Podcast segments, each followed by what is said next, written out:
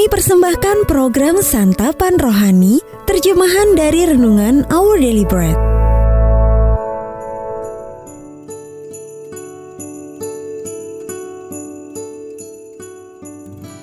Sahabat ODB, pembacaan Alkitab hari ini terambil dari Wahyu pasal yang kelima ayat yang pertama sampai dengan ayat yang ketujuh. Wahyu pasal yang kelima, ayat yang pertama sampai dengan ayat yang ketujuh. Kitab yang dimeterai dan anak domba. Maka aku melihat di tangan kanan dia yang duduk di atas tahta itu, sebuah gulungan kitab yang ditulisi sebelah dalam dan sebelah luarnya, dan dimeterai dengan tujuh meterai. Dan aku melihat seorang malaikat yang gagah, yang berseru dengan suara nyaring katanya, Siapakah yang layak membuka gulungan kitab itu dan membuka meterai-meterainya? Tetapi tidak ada seorang pun yang di sorga, atau yang di bumi, atau yang di bawah bumi, yang dapat membuka gulungan kitab itu atau yang dapat melihat sebelah dalamnya.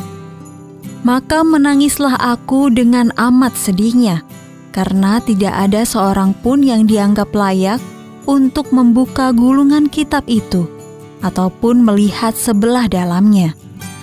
Lalu berkatalah seorang dari tua-tua itu kepadaku, "Jangan engkau menangis. Sesungguhnya singa dari suku Yehuda, yaitu Tunas Daud, telah menang." sehingga ia dapat membuka gulungan kitab itu dan membuka ketujuh meterainya. Maka aku melihat di tengah-tengah tahta dan keempat makhluk itu, dan di tengah-tengah tua-tua itu berdiri seekor anak domba seperti telah disembelih, bertanduk tujuh dan bermata tujuh. Itulah ketujuh roh Allah yang diutus ke seluruh bumi. Lalu datanglah anak domba itu dan menerima gulungan kitab itu dari tangan dia yang duduk di atas tahta itu. Ayat Mas Renungan hari ini terambil dari Wahyu pasal yang kelima ayat yang kelima. Singa dari suku Yehuda, yaitu Tunas Daud, telah menang. Judul renungan kali ini, Singa, Anak Domba, Juru Selamat ditulis oleh James Banks.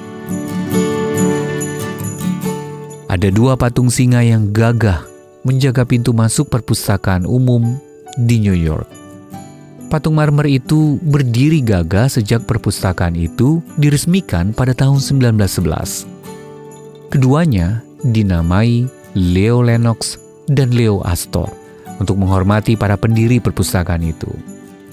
Namun selama masa depresi besar, Wali kota Fiorello LaGuardia mengganti nama kedua patung itu dengan Fortitude atau ketabahan dan Passion atau kesabaran.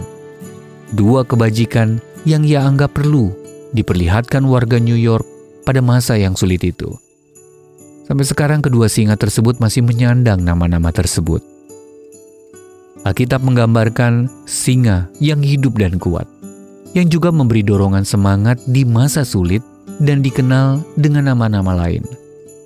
Dalam penglihatannya tentang surga, Rasul Yohanes menangis saat menyaksikan tak seorang pun dapat membuka gulungan kitab berisi rencana penghakiman dan penebusan Allah. Lalu Yohanes diberitahu, "Jangan kau menangis. Sesungguhnya singa dari Yehuda telah menang, sehingga ia dapat membuka gulungan kitab itu dan membuka ketujuh meterainya." Wahyu pasal yang kelima ayat yang kelima. Namun, di ayat berikutnya, Yohanes menggambarkan hal yang sama sekali berbeda. Maka aku melihat di tengah-tengah tahta, berdiri seekor anak domba seperti telah disembelih. Ayat yang keenam, singa dan domba itu adalah pribadi yang sama, yakni Yesus. Dialah Raja, penakluk, dan anak domba Allah yang menghapus dosa dunia. Yohanes pasal yang pertama ayat yang ke-29. Melalui kekuatannya dan salibnya, kita menerima belas kasihan dan pengampunan yang memampukan kita untuk hidup dalam sukacita dan keagungan dirinya selama-lamanya. Sahabat ODB, apa nama favorit Anda untuk Yesus? Aspek mana dari karakter Yesus yang membuat Anda semakin ingin memuji Dia? Tuhan Yesus Juru Selamatku yang ajaib, aku dapat memujimu sampai kekekalan. Tetapi itu semua tak akan pernah cukup. Terima kasih telah menyerahkan dirimu bagiku, sehingga aku dapat hidup dalam kasihmu selama-lamanya. Our daily bread ministries